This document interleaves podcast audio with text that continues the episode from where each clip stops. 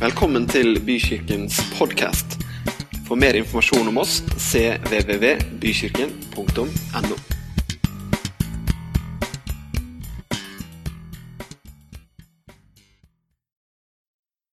Dere, noen søndager nå så har jeg snakka om denne mystiske personen Den hellige ånd. Første søndagen så snakka vi om eh, var overskriften 'Kraft i livet'. Vi snakka om hvordan Den hellige ånd er en person som har vært der helt fra skapelsen. Han svevde over vannene, han skapte orden av kaos. Så snakka vi om kraft som virker for en uke siden. Hva er det Den hellige ånd gjør? Hva er, liksom, hva er de praktiske konsekvensene av at han faktisk eksisterer? Og i dag så er overskriften 'Du kan få kraft'.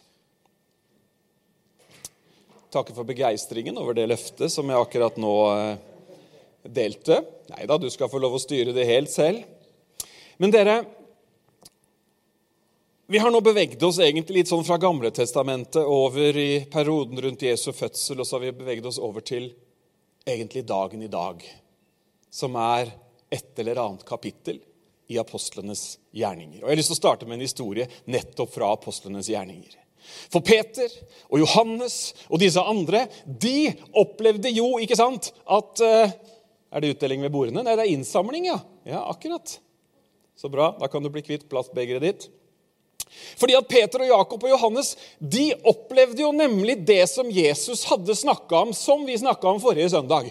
At når han kommer, så skal jeg gjøre det og det og det. Det opplevde jo Peter og Jakob og Johannes. Og så var det likevel en liten sånn læringskurve i livet med Den hellige ånd.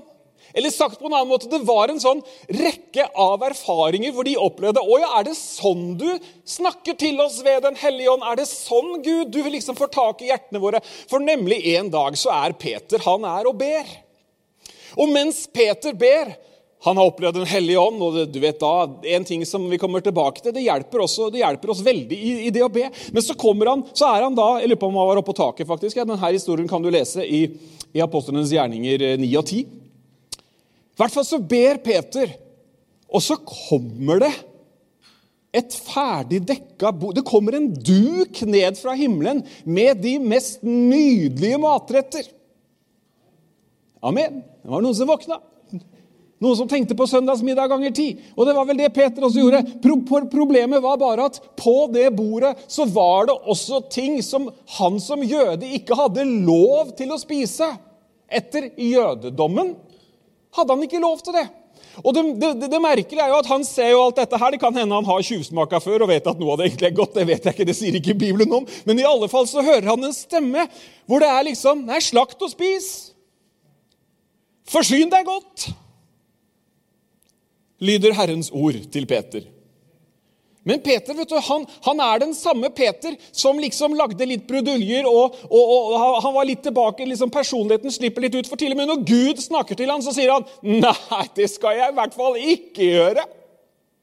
Tror du virkelig, Gud, at jeg har tenkt å spise liksom noe som du har sagt at jeg ikke skal spise? Og så gjentar dette her seg. I en annen by så er det en mann som ikke er jøde, som ikke er av jødisk herkomst, og som ikke lever etter jødedommen. Han heter Kornelius, og Bibelen sier at han er en gudfryktig mann, og han gir barmhjertighetsgaver. Med andre ord, han tilhørte ikke den indre sirkel, men han hadde allikevel et hjerte for Gud. Og han får beskjed fra en engel. Send noen og spør etter Simon. Han bor der og der. Du kan lese alle detaljene. jeg tar meg ikke tid til det. Men så Kornelius han Gjør det! Send bud på han, og så skal du høre på hva han har å si. Han sender to tjenere og en soldat, finner ut hvor Peter er. Og i mellomtiden, når de liksom er der hvor de holder på å finne ut hvor Peter bor, da får Peter beskjed fra Den hellige ånd. Det kommer noen og henter deg, og du skal bli med dem. Så han kan jo gå ned trappa. Han har vært oppe og bedt på taket. Og så blir han med disse til Kornelius' hus, som da ikke er et hus som han egentlig har lov til å gå inn i engang. Så går han inn i det huset, og så skjer det noe helt forunderlig. Han kjenner jo at han skal gjøre dette, her, så han, bryter jo for så vidt regler og, og, forskrifter. Går inn i det huset og lurer på hva, hvorfor har du sendt bud på meg. Jo, sier Kornelius, du skjønner det, at Gud ved en engel har sagt at vi skal hente deg og høre på hva du har å si. Peter er heldigvis ikke dum. Han er ganske impulsiv, og han kan si mye rart, men han er ikke dum. Så han sier, hør her hva det står i Apostlenes gjerninger 10, 34. Eh, da sier han, 'Nå skjønner jeg virkelig at Gud ikke gjør forskjell på folk'. Dette ble liksom åpenbaringen for Peter. Han skjønte at ja, så det er ikke bare vi jøder, det er liksom ikke bare den indre menigheten nei, som skal få oppleve Gud. Nei, også de som ikke er det. Og det er det mange av som er veldig glad for. Hvis ikke så hadde vi ligget ganske tynt an alle sammen. Men så skjer det noe mens han gjør det han har fått beskjed om. Og vi leser videre Apostelens gjerninger 10, 44. Du får det på veggen. Mens Peter fremdeles talte, begynte Den hellige ånd å manifestere seg. Alle dem som hørte, ble fylt av Den hellige ånd. De troende jødene som hadde kommet hit med Peter, ble veldig forskrekka. De ble overrasket over at Den hellige ånd kom over disse menneskene som ikke var jøder, for de trodde at Den hellige ånd bare var en gave for jødene. Nå kunne de høre at de ba i tunger og lovpriste Gud.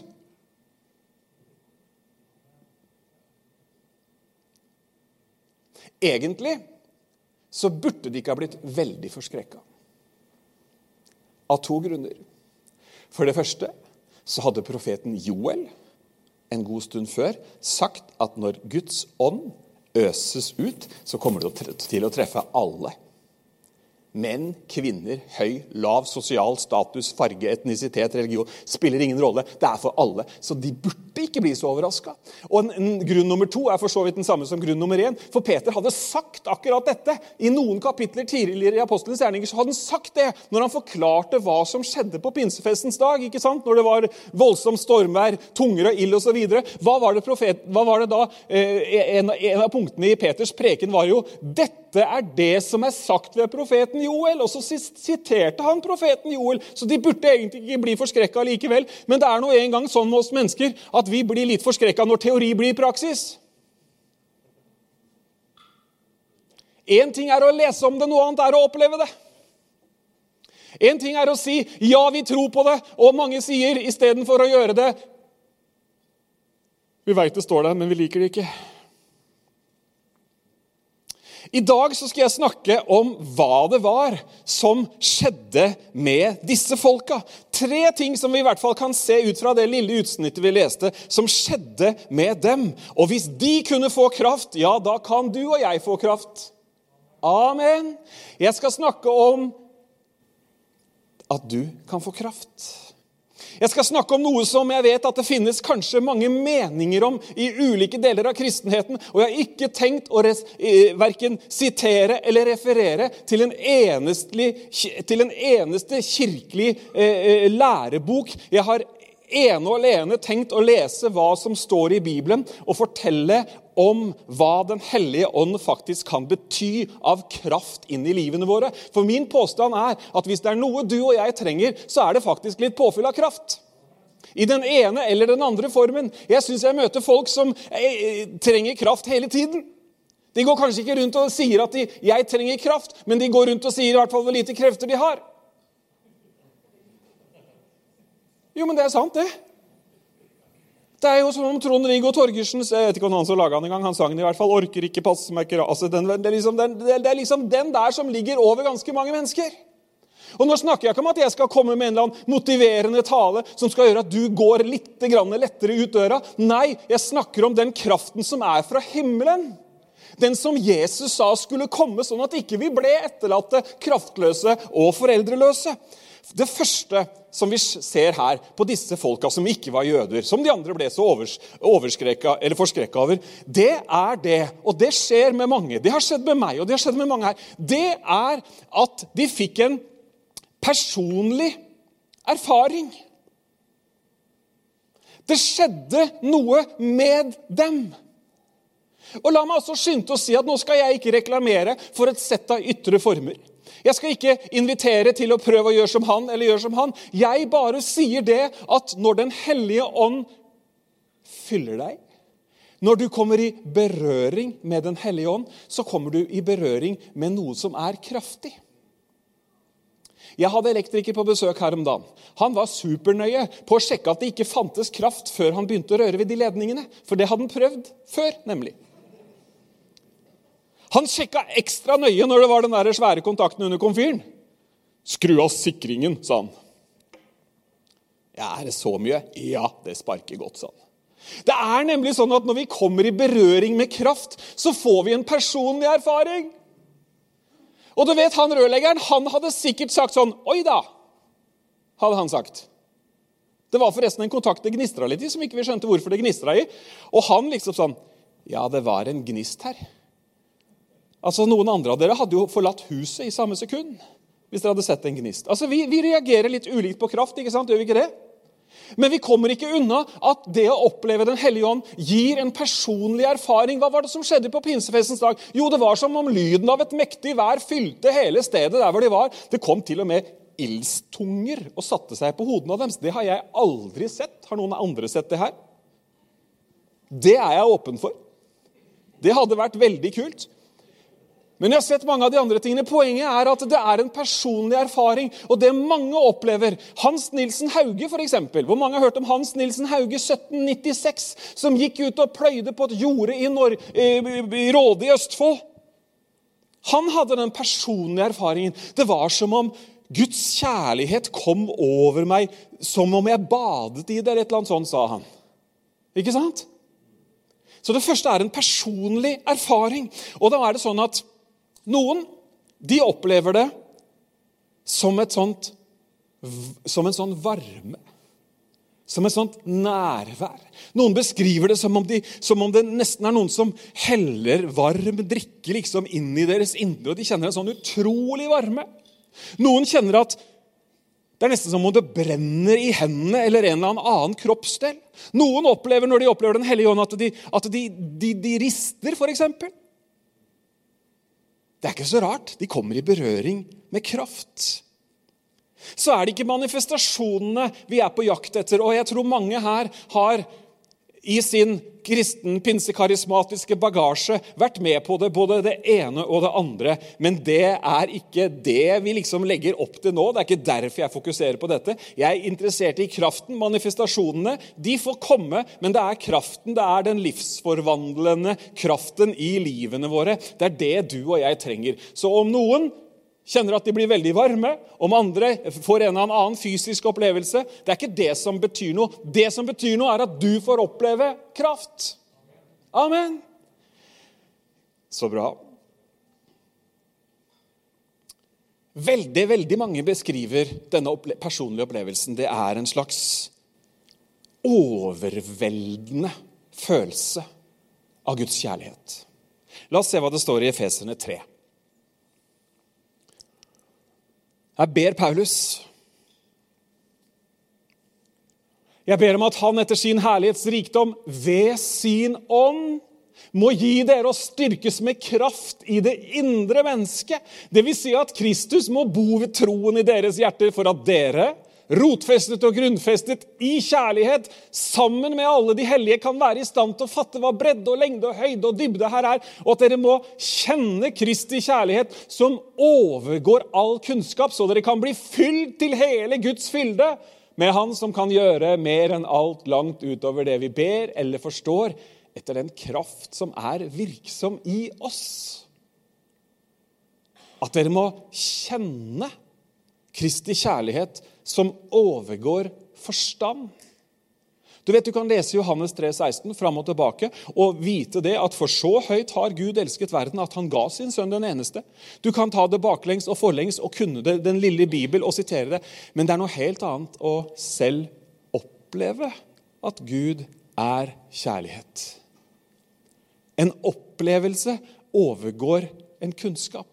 En personlig erfaring er noe annet enn at man har lest det i en bok. Er dere enig i det, forresten?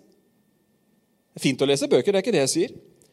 Men det første vi så her, var at de fikk en personlig erfaring. Det andre som disse jødekristne som var med Peter på besøk i Kornelius' hus, ble litt overraska, det var nemlig at de lovpriste Gud.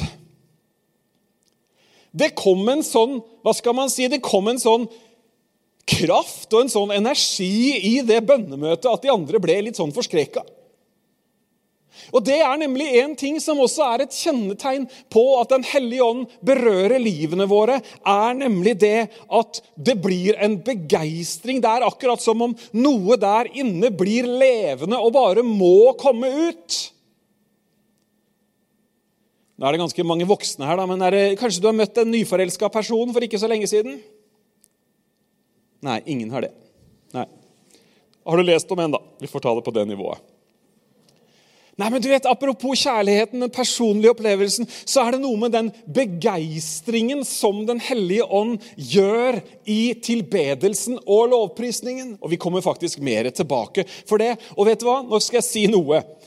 Ofte så har vi og sikkert fordi at vi mennesker vi har jo en sånn tendens til å være i én grøft og så gå over til en annen grøft. Og jeg lurer litt på hvorfor er det sånn at når en eh, komedie på kino lokker fram latter, da tenker vi det er suksess. ikke sant? Det er jo derfor man lager komedier, er det ikke det? Eller liksom hvis et tragisk teaterstykke får folk liksom til å sitte med, med, med, med tårene strømmende nedover kinna, da tenker vi at det er helt supert. gjør vi ikke det? Eller når en fotballkamp er så engasjerende at du liksom har, det er ikke mulig å bli sittende på stolen. Da er det bra kamp. Jeg opplever det veldig sjelden. Andre her er, er lettere opp av stolen enn andre. Hockey skulle jeg kanskje heller sagt, men eh, Men dere også Oppi alt dette her så er vi liksom sånn derre La oss være forsiktige med at liksom vi viser noen følelser da, i kirka. Jeg har grått i dag jeg, på gudstjenesten. Men Hvis du ikke vil at du skal se at noen gråter, så er det bare å stå på første rad. Ja, Kanskje dere så det, det vet jeg ikke. Det tenkte jeg ikke på, faktisk. For så sterk var den følelsen at jeg tenkte ikke på det engang. Men dere, vi er mennesker. Vi er skapt med en kropp, med en sjel og en ånd. Og da er det mest naturlige i verden er jo at vi merker at Hans ånd har tatt bolig inni oss. Er det ikke det, da? Vi merker hans nærvær. Og vi, vi, vi, dere, Jeg bare inviterer deg til å gi litt uttrykk for den gleden du kjenner på. Sett noen ord på den kjærligheten du opplever. La tårene strømme. Vær takknemlig. Altså Ja, tror du tok hintet? Nå skal vi gå til det tredje som de opplevde, disse ikke-jødene i Kornelis sitt hus.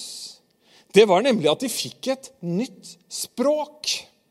Og nå vet jeg at bare, jeg, bare jeg sier ordet tungetale, så er det veldig mange ulike tanker som kommer opp rundt det. Kanskje vi skulle lage en oversettelse hvor det bare sto et nytt språk? For det er det det er snakk om. Det er et nytt språk. Tungemål er jo et annet gammeldags ord for språk. ikke sant? Altså, De fikk et nytt språk. Eh, disse Peter og, kameratene de ble nok ikke så overraska, for de hadde vært med på pinsefestens dag. Og Der var jo situasjonen sånn at det var høytid i Jerusalem. Og når Den hellige ånd kom over disse som var samla på øvre sal, så begynte de å snakke nye språk. Og det at de snakka nye språk, var et direkte tegn. fordi at eh, Pga. at det var høytid, høytid, så var det mange tilreisende fra de andre landområdene. Og det står i Bibelen at de hørte Guds storhet forkynt på sitt eget språk. Et nytt språk, ja. Og da, da, da er vi liksom, da, da, er vi allerede Da har vi forlatt vår intellektuelle høyborg. ok? Har vi ikke det? At et nytt språk detter ned i huet på deg. Men det er det Bibelen sier. De begynte å tale med et nytt språk.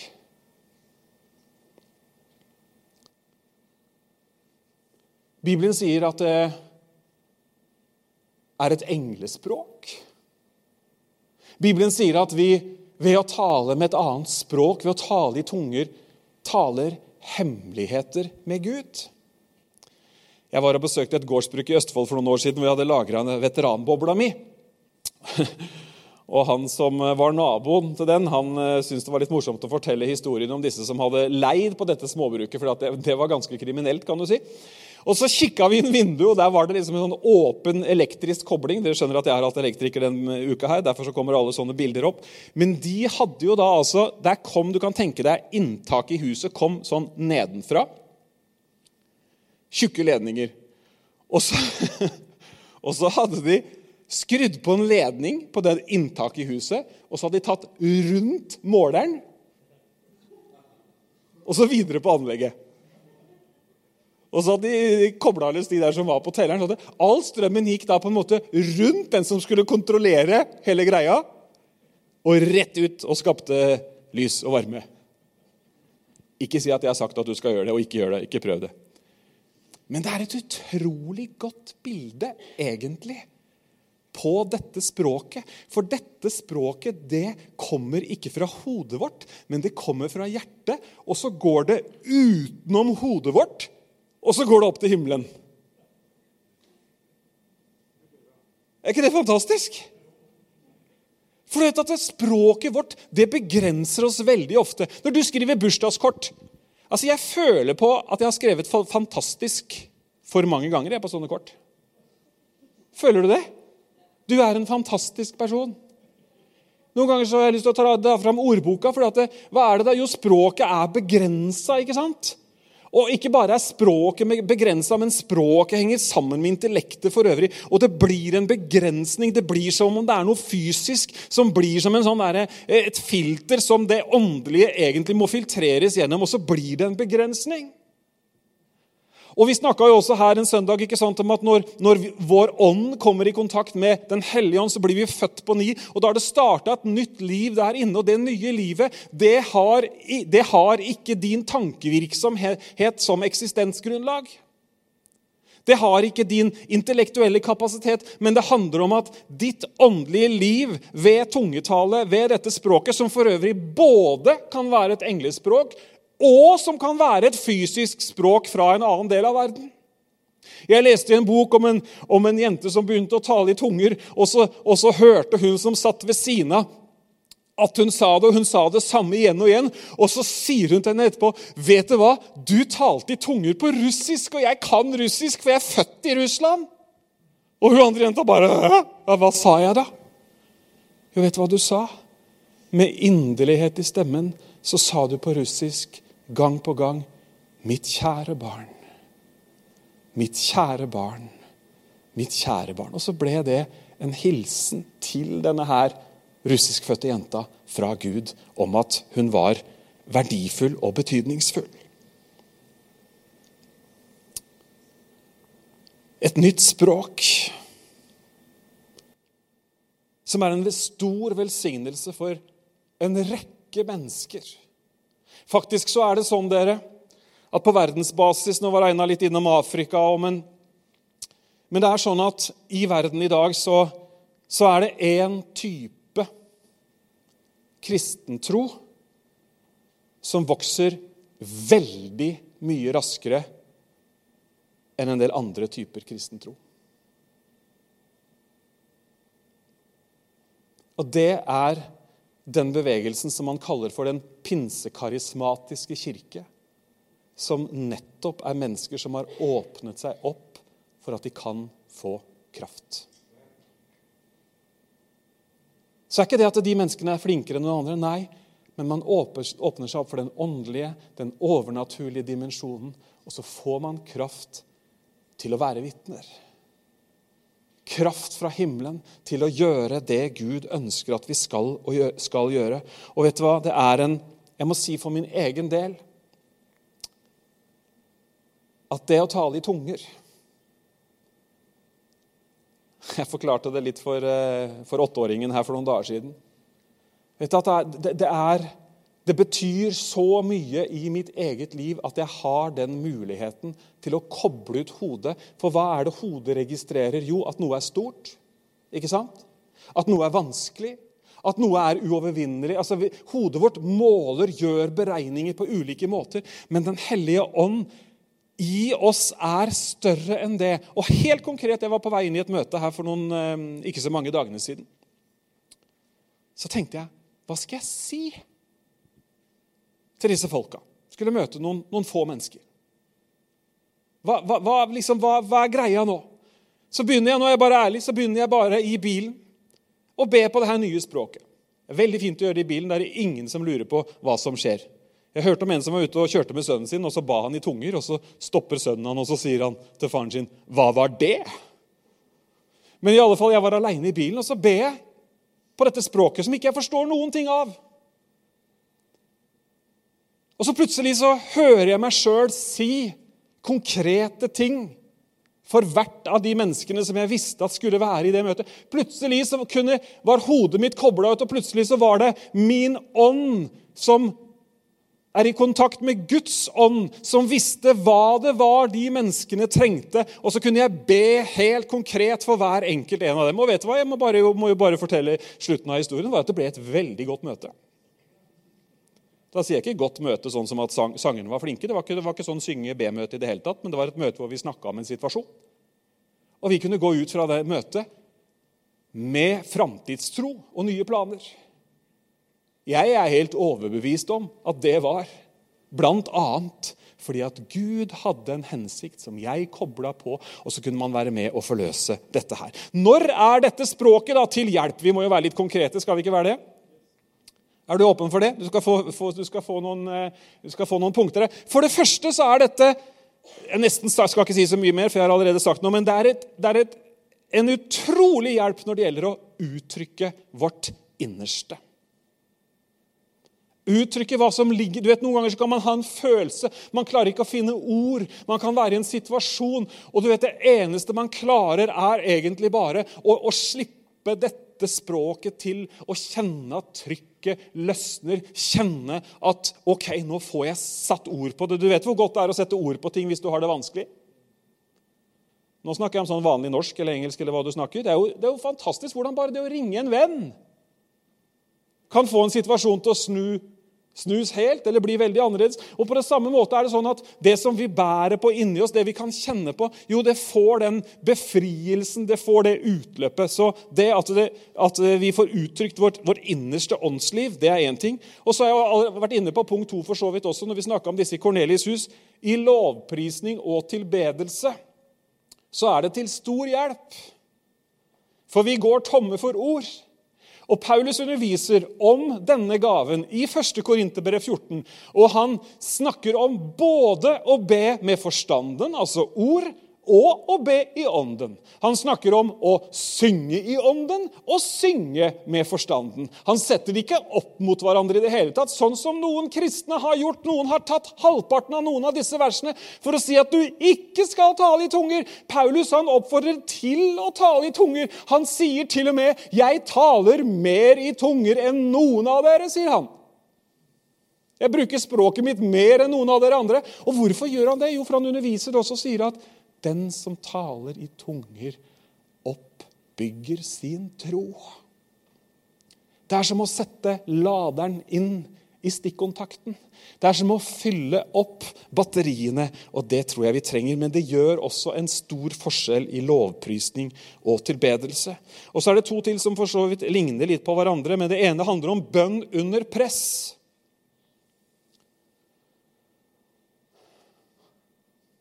Hvis jeg får en melding om noe alvorlig som har skjedd, og det har jeg fort fått noen ganger i livet, enten det har vært en ulykke eller et eller annet, så kan jeg kjenne på en maktesløshet i forhold til den situasjonen.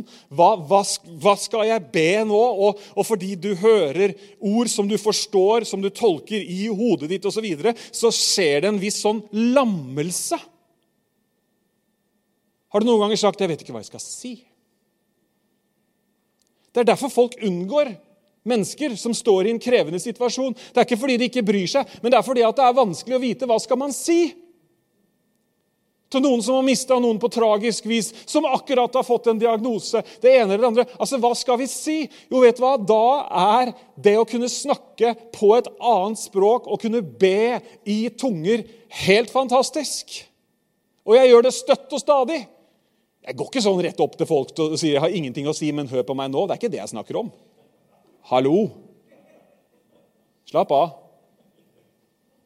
Men der for meg sjøl kan jeg, når jeg har fått den telefonen, fått den budskapen, så kan jeg bare åpne mitt indre, og så kan jeg tale i tunger, og så kan jeg kjenne at dybden i meg kommuniserer med dypet i vår Herre. Og så kan man kjenne at en situasjon eh, eh letter, så kan man kjenne at man får et ord. Man blir minnet på et løfte. Vi snakka forrige søndag om at han tar av det som er mitt, og gir til dere. Det er én ting han gjør når du ber i det nye språket, er at det kommer bibelvers som ikke du du visste du kunne.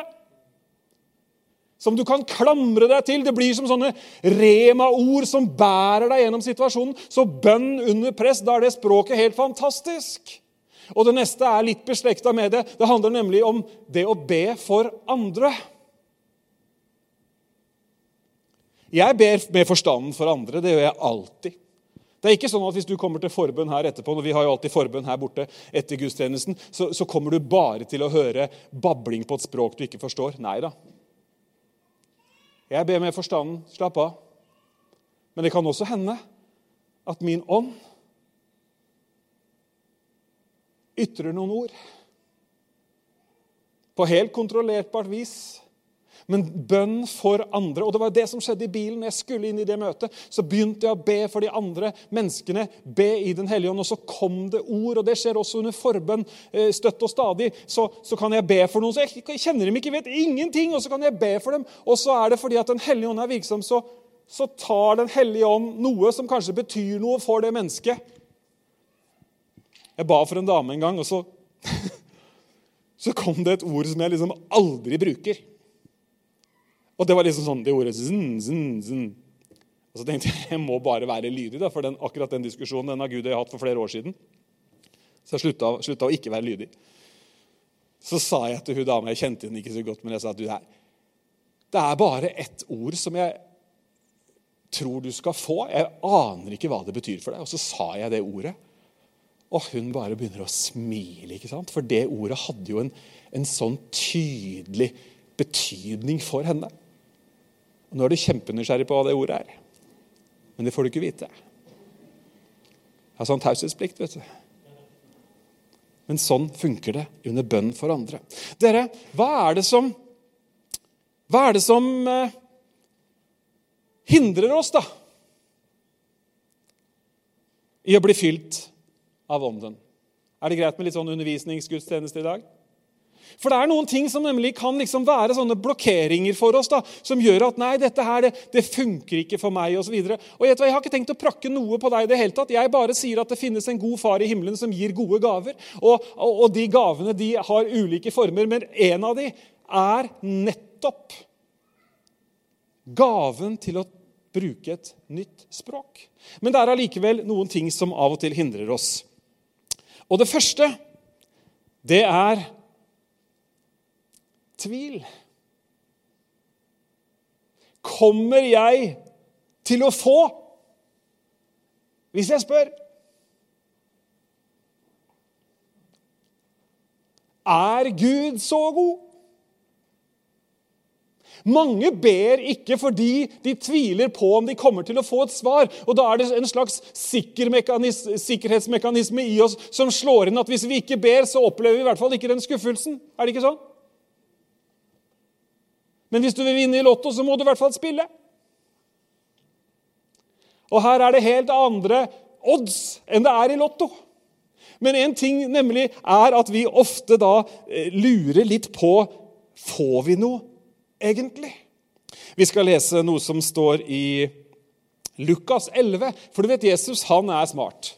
Han er et geni. Han vet hvordan vi mennesker er rundt akkurat disse tingene her. Så han har, no, han har en del undervisning. vet du. Han har en del ting han delte med sine, og som har blitt med i Bibelen, for at du og jeg også i dag liksom skal få litt lys over sakene. Hør her. Jesus som snakker, så sa han til dem, tenk deg at du går til en god venn av deg midt på natten og sier, kjære venn, kan du låne meg tre brød? For jeg har fått overraskende besøk av en venn som har vært på reise, og jeg har ingenting å tilby han. Skulle da denne vennen som fikk spørsmålet, svare slik Nei, ikke plag meg, for vi har lagt oss nå, og ungene sover. Jeg kan ikke stå opp og gi deg noe. Nei, for dette skal dere vite. Selv om han ikke hadde lyst til å stå opp og, og gi noe gi ham noe fordi han var hans venn, ville han likevel stå opp og hjelpe han fordi han ikke ga opp, men fortsatte å mase på ham. Derfor Altså Med bakgrunn i dette så sier Jesus, 'Derfor sier jeg dere, fortsett å be, og dere skal få.' Så er det som om man ser vantroen i øya på dem. Det er som om man ser liksom at at de tviler fortsatt. For han liksom Fortsett å lete, og dere skal finne. Der får du det gang nummer to. Fortsett å banke på, så skal det bli åpnet for dere. Fortsatt så tror jeg blikkene til disiplene er litt sånn tomme. Hva er det du mener nå? Og Så tar Jesus en runde til, og så sier han, For hver den som ber, han får. Amen. Er ikke det herlig? Den som leter, han finner. Og den som banker på, skal det bli åpnet opp for. Da har vi fått noen runder på det. Da har tvilen vår møtt litt motstand. Tvilen som spør, hvis, tvilen som sier 'Hvis jeg spør, kommer jeg til å få'. Fortsett å be. Du kommer til å få. Fortsett å lete. Du kommer til å finne. Fortsett å banke på, og det skal bli, åpnes, skal bli åpna opp for deg. Og så er det denne frykten, da. Det jeg får, er det noe godt? Hm. Jakob underviser om Gud, hans karakter og hva slags gaver han har. I, i første Jakob og han sier All god gave kommer ovenfra, fra Han som er lysenes far. Hos han er det ikke noe skiftende skygge. Han har ikke en dårlig dag. Og Jesus han tar egentlig, Det er ikke Jesus som tar opp tråden, det er Jakob som tar opp tråden. Men Jesus han har snakka om dette her, og han sier da Hvis en sønn går til faren sin og ber om brød, vil da faren gi ham en stein? Eller hvis han vil ha et egg, vil faren da gi han en skorpion? Ja, Nå glemte vi fisken. Eller om sønnen ber om en fisk, vil da faren gi han en slange i stedet? Eller hvis han vil ha et egg, vil faren da gi han en skorpion? Nei, sier Jesus, selv dere som er onde, vil gi gode gaver til barna deres. Hvor mye mer skal ikke da deres himmelske Far gi Den hellige ånd til den som ber han om det? Hvor mange ganger har du hørt disse versene fra Bibelen utenom at den siste delen har vært tatt med? Han snakker om gaven Den hellige ånd. Det er det som er konklusjonen på be, så skal du få, bank på, let osv. Det er i den konteksten han snakker om dette, nemlig at det kommer en gave. Og han veit hvordan vi mennesker er. Vi tviler litt på om vi kommer til å få. Vi har litt frykt for om det egentlig er godt. Og så føler vi oss noen ganger utilstrekkelige. Det kan også være en sånn hindring utilstrekkelighet. Er jeg god nok? Har jeg bedt nok? Er jeg kristen nok?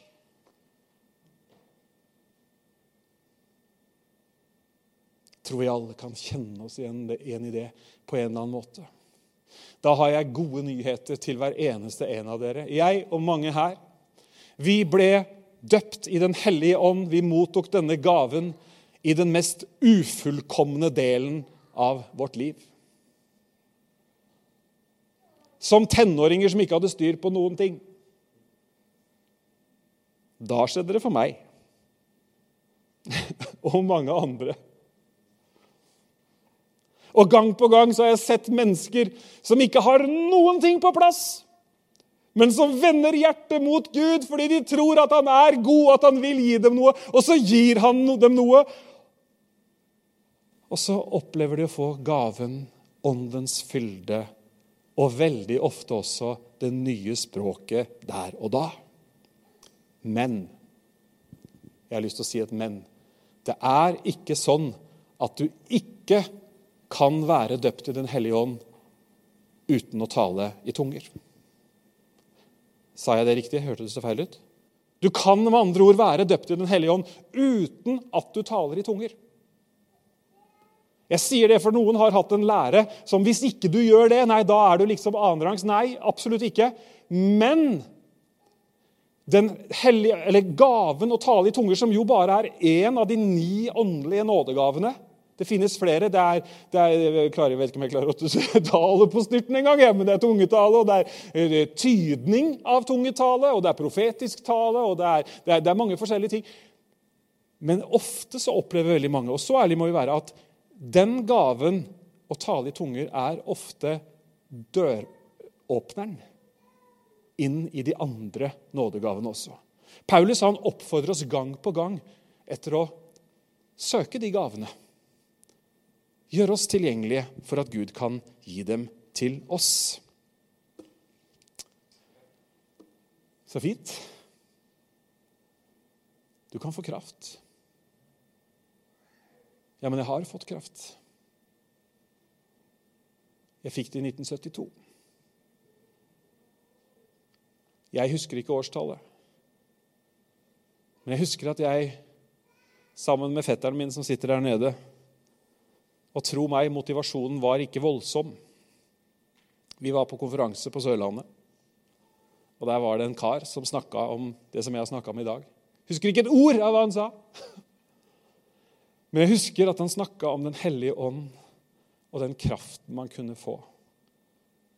Og så var vi litt sånn tyggis i munnen og henda i lomma og skal vi, eh, skal vi bli bedt for, eller? Husker du det, Are? Ja. Og egentlig da, Vi var egentlig litt seint ute, møtet var nesten slutt. Så går vi fram der, da.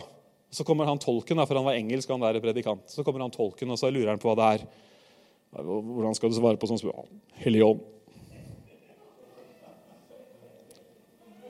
Og Så kommer den der spinkle lille engelskmannen og så gjør han det som vi leser om i apostlenes gjerninger. Som er en av måtene man mottar gaven på. Han legger hendene på oss. Så sier han, 'Far, takk for gaven din'.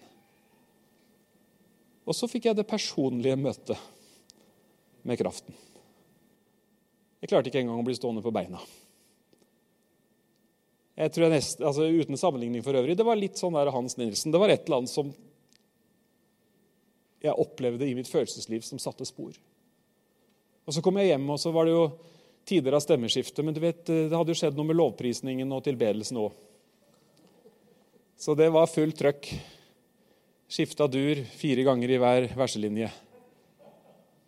Men det var noe der, vet du. Det hadde skjedd noe. Og så, for min del, da, så noen dager etterpå, så begynte det her språket å komme. Og det var litt som om å lære et nytt språk. Det var ikke sånn at jeg liksom var flytende side opp og ned med en gang. Men plutselig så kom det et ord. Og så er det sånn, Hvis du skal lære et nytt språk, så er det et par forutsetninger. Den ene som er veldig viktig, det er at du åpner munnen. Så jeg åpna munnen. da. Altså, Jeg slapp lyden ut. Og så ble de to ordene tre, fire, fem Jeg husker jeg gikk fra bussen og hjem. Så begynte de her ordene å komme. Og så kom tanken som ofte kommer. Det der har du funnet på sjæl. Noen som kjenner seg igjen i det? Eller nå etterligner du hun der andre. Hun har akkurat sånne ord når hun bruker det språket. Det er ikke Gud som hvisker sånne ting. Det er, det er motsatsen. Det er sjelefienden vår. For det som, er, det som er det store problemet, er at forstanden vår den angripes. Sinnet vårt angripes. Ordformuleringene våre angripes. Det forsøker djevelen å gjøre. Djevelen holder fortsatt på dere og si 'Har Gud virkelig sagt?' I alle mulige forbud så sier han det. Har han virkelig sagt det? Er det virkelig sånn? Nei, det tror jeg ikke. Det går inn der hele tiden. Men så har jo vi kobla rundt strømmåleren. Halleluja. Det kommer ingen regning fra han lenger. Og det hadde vært deilig sånn, Nå kjente jeg at det hadde vært deilig sånn på ordentlig. Altså, Ikke på ordentlig, men sånn i det fysiske nå, om ikke det kom noe regning. Jeg skal innrømme, jeg har grua meg litt for den regninga. Jeg aner ikke. Nytt hus og leiebord og alt. Det, ja. Kan hende det blir sånn julegaveaksjon til pastoren i år. Nei da. Hvordan, hvordan havna vi her? Jo, så kommer han og så sier han, nei, det der det er bare noen andre som har sagt det. vet du. Nei, Hold fast ved det. Og vet du hva? Det er en Å, jeg kan nesten ikke få, Og det handler ikke om at du skal bli pinsevenn eller at du skal bli noe som helst. med det. Du kan få være akkurat hva du er. Kall deg whatever. Men ta imot gaven, for du kan få kraft. Utgjør hele forskjellen. Og til oss da som har vært med et år eller to, og som sier i ditt indre nå 'Det der har jeg hørt før'. Bare i løpet av noen kapitler i apostelens gjerninger så blir de fylt av Guds kraft på ny og på ny og på ny. Så vet Jeg jeg har elbil, men jeg lader den jo stadig. Jeg har gammel elbil, så jeg lader den hele tida.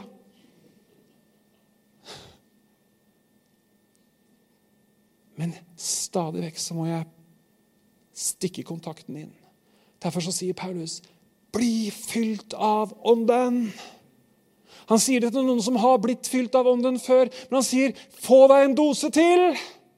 Det fins mer. Det er sånn at Jesus han snakka om Den hellige ånd. Vi snakka om det her en søndag i Johannes 7. ikke sant? Det vannet blir i han en kilde som veller fram til liv. Hvis det ikke kommer mer vann, så er, er det ikke noe kilde. Jesus snakka ikke om dere skal, en, skal en, få en engangs åndsopplevelse som dere kanskje kan leve på en stund. Nei, han sa, 'Jeg skal gi deg det levende vannet'. Og er det rart at jeg er glad? altså? Begynner jeg nesten å synge som Jørn Strand. er det ikke han som har den? Og så har jeg opplevd det, dere, for å være helt ærlig, jeg har opplevd det så mange ganger i mitt eget liv at når ting er trått, når jeg syns ting er motbakke osv., så, videre, så tar jeg meg selv i å glemme at jeg har glemt å gjøre det som jeg vet at bygger opp troen min, som gjør at jeg har liksom nok på tanken til å nå helt fram. For du skjønner at Gud han vil at du skal ha nok på tanken, sånn at du ikke liksom bare troen ebba ut i en eller annen livsfase. Når et eller annet skjedde, og så vet jeg ikke hvor troen ble av. Nei, han vil at du skal ha nok hele tiden. Han vil at du skal være som den der bekken som vi siterte fra Esekiel 47. ikke sant? Den der bekken som gjør at alt som kommer i berøring med det, bare begynner å vokse, og livet kommer til. Når pinsevekkelsen brøt ut på begynnelsen av 1900-tallet. Altså det er feil å si. Jo da, vi kan si at den brøt ut. Pinsevekkelsen starta på finsefestens dag. Og så har det vært noen sånne oppturer opp gjennom kirkehistorien. og Mange mener og det tror jeg det er helt rett i, at jo mer institusjon det ble av Kirken, jo mindre åndsmakt ble det.